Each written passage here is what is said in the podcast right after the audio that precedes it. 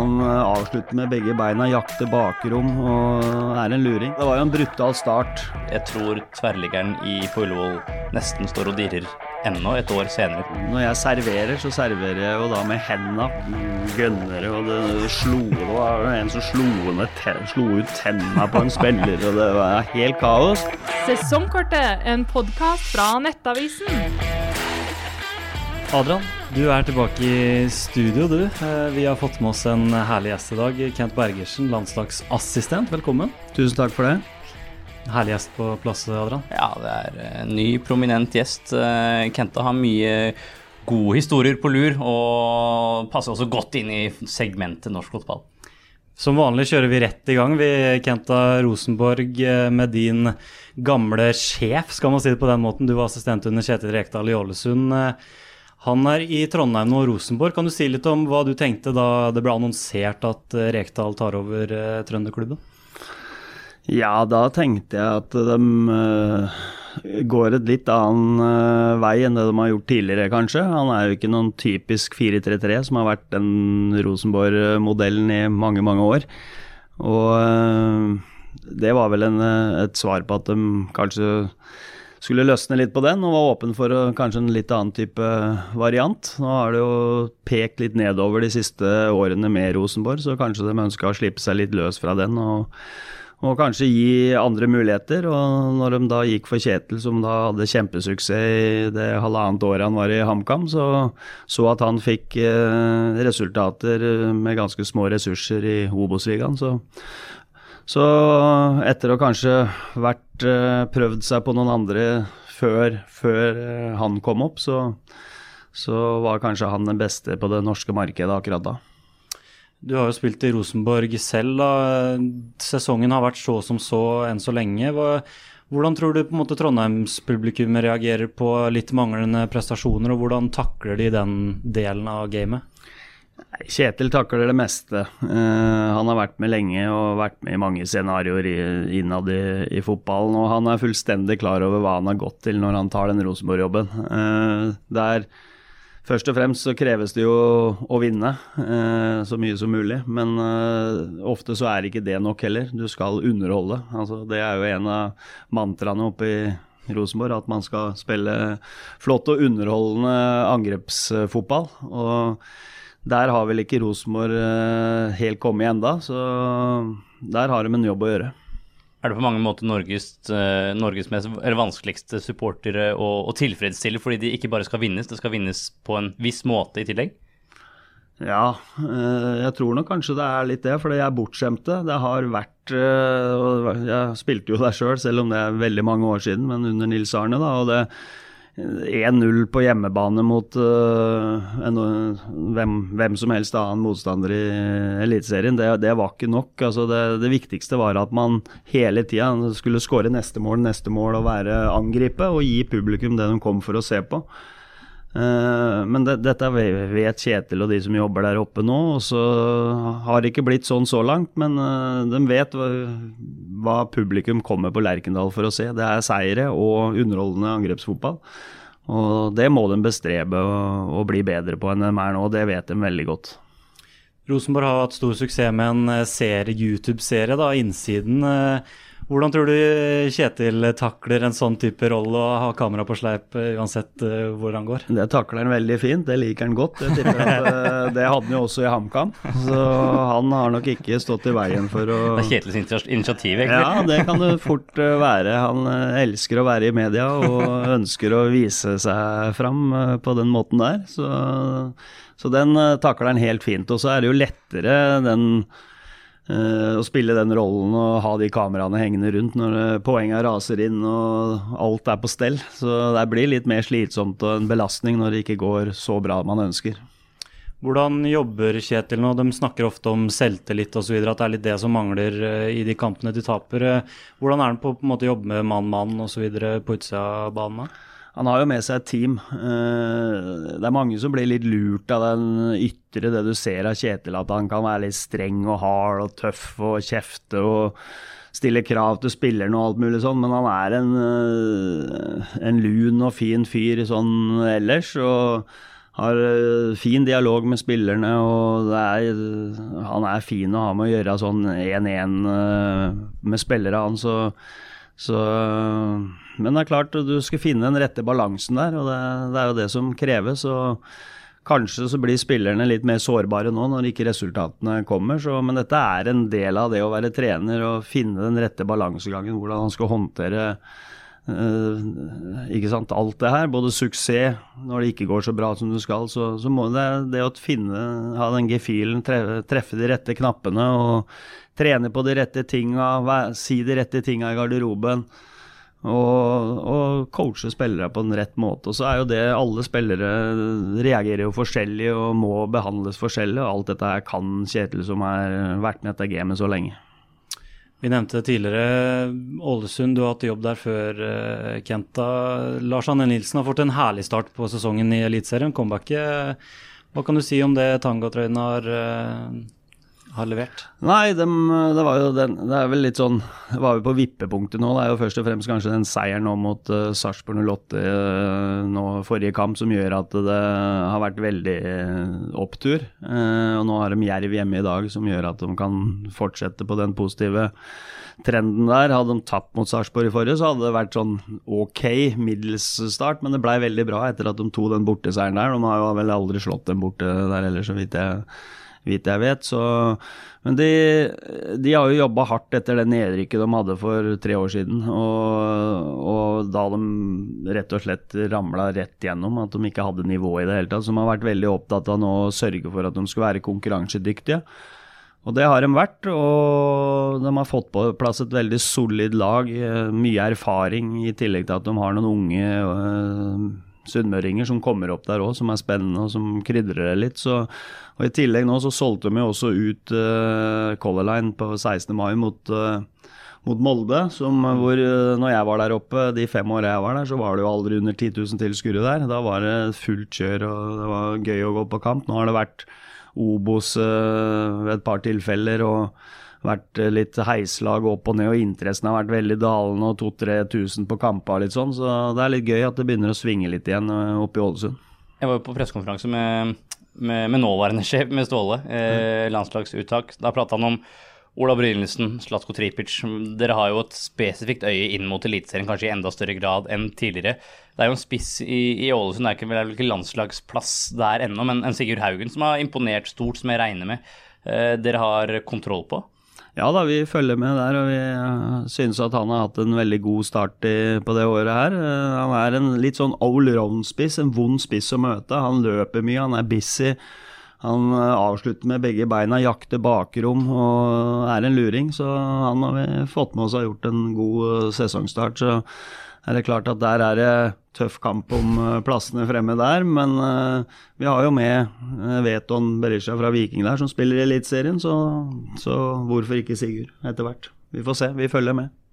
Du er landslagssjef, eller assistent, da, Kenta, så vi må prate litt landslag òg. Det, det, er litt over et år siden dere spilte deres første match ved roret der. da. Kan du si litt om hvordan dere har konkludert etter sist kvalifisering osv., om hvordan ting har vært med dere som ledere? Ja, det var jo en brutal start uh, gjennom det covid-greiene hvor vi ikke hadde verken møtt eller sett noen spillere live når vi dro til Marbella og skulle spille, spille to uh, tellende VM-kvalifiseringskamper der, pluss en Montenegro borte.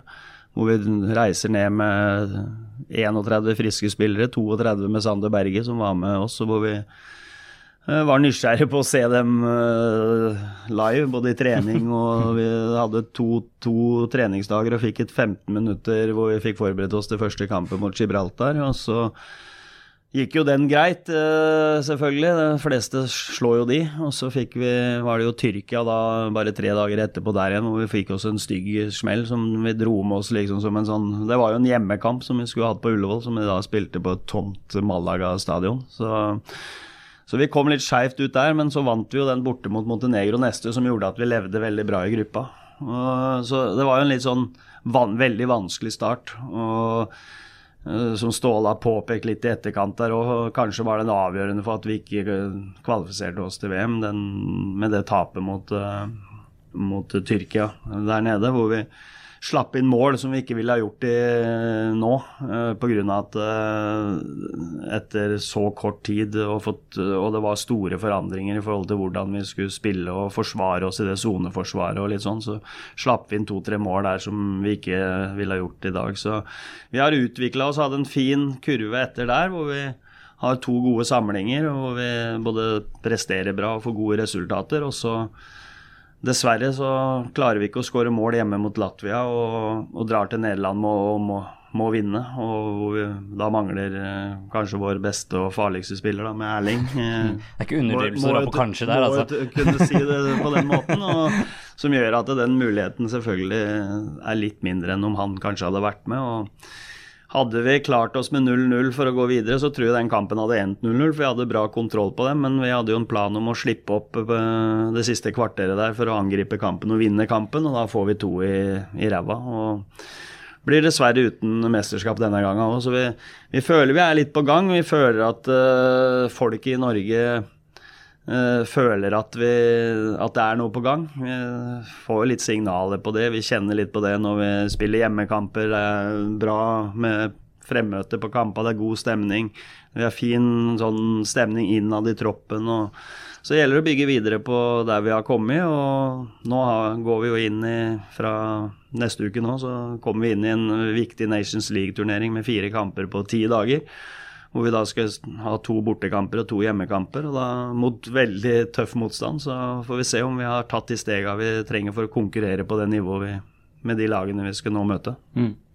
Dere har to verdensstjerner da, i troppen nå, i Martin Ødegaard og som du sier, Erling Braut Haaland. Eh, Martin, da, som eh, flest snakker om nå, er jo at det skal bli en mulig Arsenal-kaptein. Dere har valgt han som kaptein på landslaget. Kan du si litt om Eh, på hvilket tidspunkt gikk opp for dere at han var egna som leder for, eh, for, Norges herrer?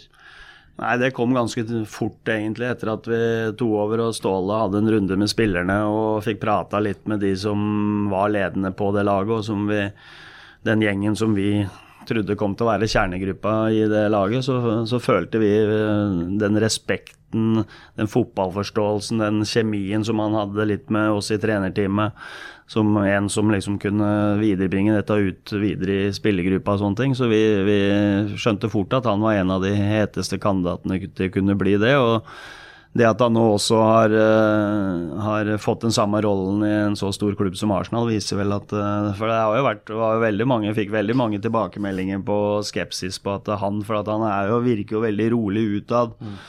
Uh, og sånne ting. Og det er det jo. Det er mange måter å lede på. Og sånn er det jo med å være fotballtrener òg. Mange hyler og skriker og kjefter, og andre står med hendene i kors. Og, altså det, det, er det derre indre greiene. Hvordan du er i gruppa, på hotellet, på, i, i, i bussen er ute og reiser, holdt jeg på å si.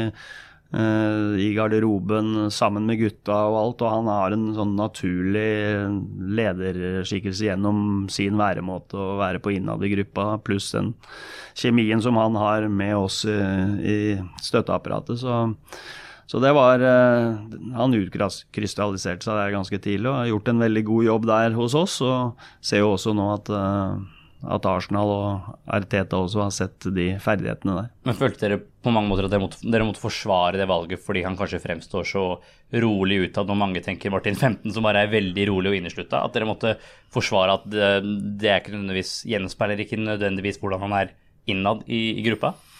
Ja, innad så trengte vi ikke det, men eh, litt utad, utad. har det mm. kommet noen spørsmål om det. Og da har vi prøvd å forklare så godt det lar seg gjøre hvilken posisjon han har i gruppa og hos, hos, hos oss. Mm. Så jeg tror ikke det har bydd på store problemer sånn. Vi har følt oss ganske trygge på det.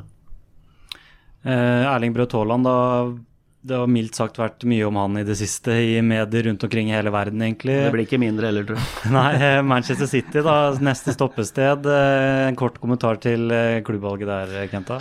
Nei, jeg tror det kan passe bra. Jeg tror han hadde passa bra flere steder. Han er jo en fryktelig nytende spiss som har mange gode ferdigheter. Ikke bare liksom at han skårer mål, men han jo, har jo en fysikk. Han er rask, han er sterk. han Uh, snusemål har etter hvert også kunne skåre mål med huet. Så han, er, han har jo et bredt register å spille på. og og sånn som City spiller, og, og, hvor dominante de er stort sett i de fleste kampene, sånn, så kommer han til å skåre mye mål i Manchester City også. Vi har veldig tro på det, og i tillegg så, så tror jeg de har gjort et veldig grundig forarbeid, eh, støttespillerne hans og han, i forhold til det. Så vi, vi stoler på at det er et bra valg, og har trua på at det kan bli veldig bra. En populær ja, Nei, jeg skulle si, Daniel og jeg vi er jo veldig unge og øh, følger med i tiden i alle sosiale plattformer. Og vi har sett på, på landslagets TikTok-bruker, så er det spesielt én video som har øh, over tre millioner views. Har vi sett en avslutningstrening hvor, den, hvor, du er involvert. Du er jo ofte med på de avslutningstreningene i form av at du serverer spillerne når de skal avslutte. Det er spesielt én avslutning hvor Erling Haaland går på skudd på volley, hvor jeg tror tverrliggeren på Ullevål nesten står og dirrer ennå, et år senere. Kan du si litt om den, den vanvittige råskapen han har i, i skuddøyeblikket? Ja, vi avslutter ofte treningene våre med en sånn variant som jeg har, som både er litt gøy og som er trening. Og når jeg serverer, så serverer jeg jo da med hendene, faktisk, da, i den situasjonen her hvor det hiver opp en ball hvor de kan velge om de skal skyte på halvvolley eller helvolley. Og i det tilfellet du nevner her, så, så, er det jo en helvolley hvor han uh, dæljer den ballen, ja, som du sier, treffer voldsomt på volley, og ballen går i en fin bue ganske mange kilometer i timen. Uh, nettmaskene og tverrliggeren står, som du sier, kanskje og dirrer enda på Ullevål.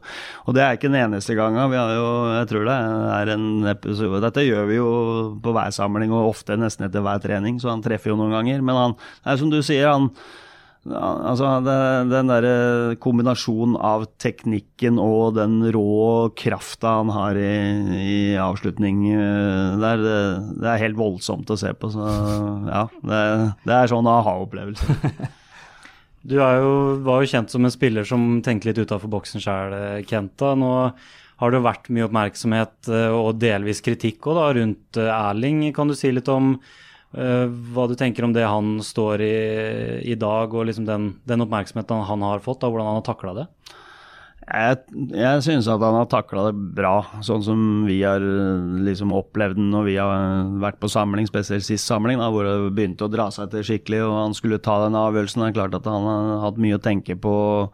Det er et viktig valg for han og, og sånne ting. Så, så, jeg har hatt følelse at uh, at uh, han har hatt bra kontroll og, og, har fått hjelp av de folka rundt seg til å ta en god avgjørelse. Og, og sånn, så har det vært mye rundt han selvfølgelig gjennom Han har jo altså, Tyskland og Dortmund og Bundesliga, og det er bra interesse der òg. Og så blir det enda større nå når han kommer til en enda større klubb. Så han har hatt god trening til å håndtere det. og City har jo veldig mange stjernespillere, og de vet hvordan han skal hvordan skal håndtere en sånn type. og Han vil sikkert få litt uh, innføring i hvordan det skal fungere i Manchester der Så Det tror jeg kommer til å gå veldig bra.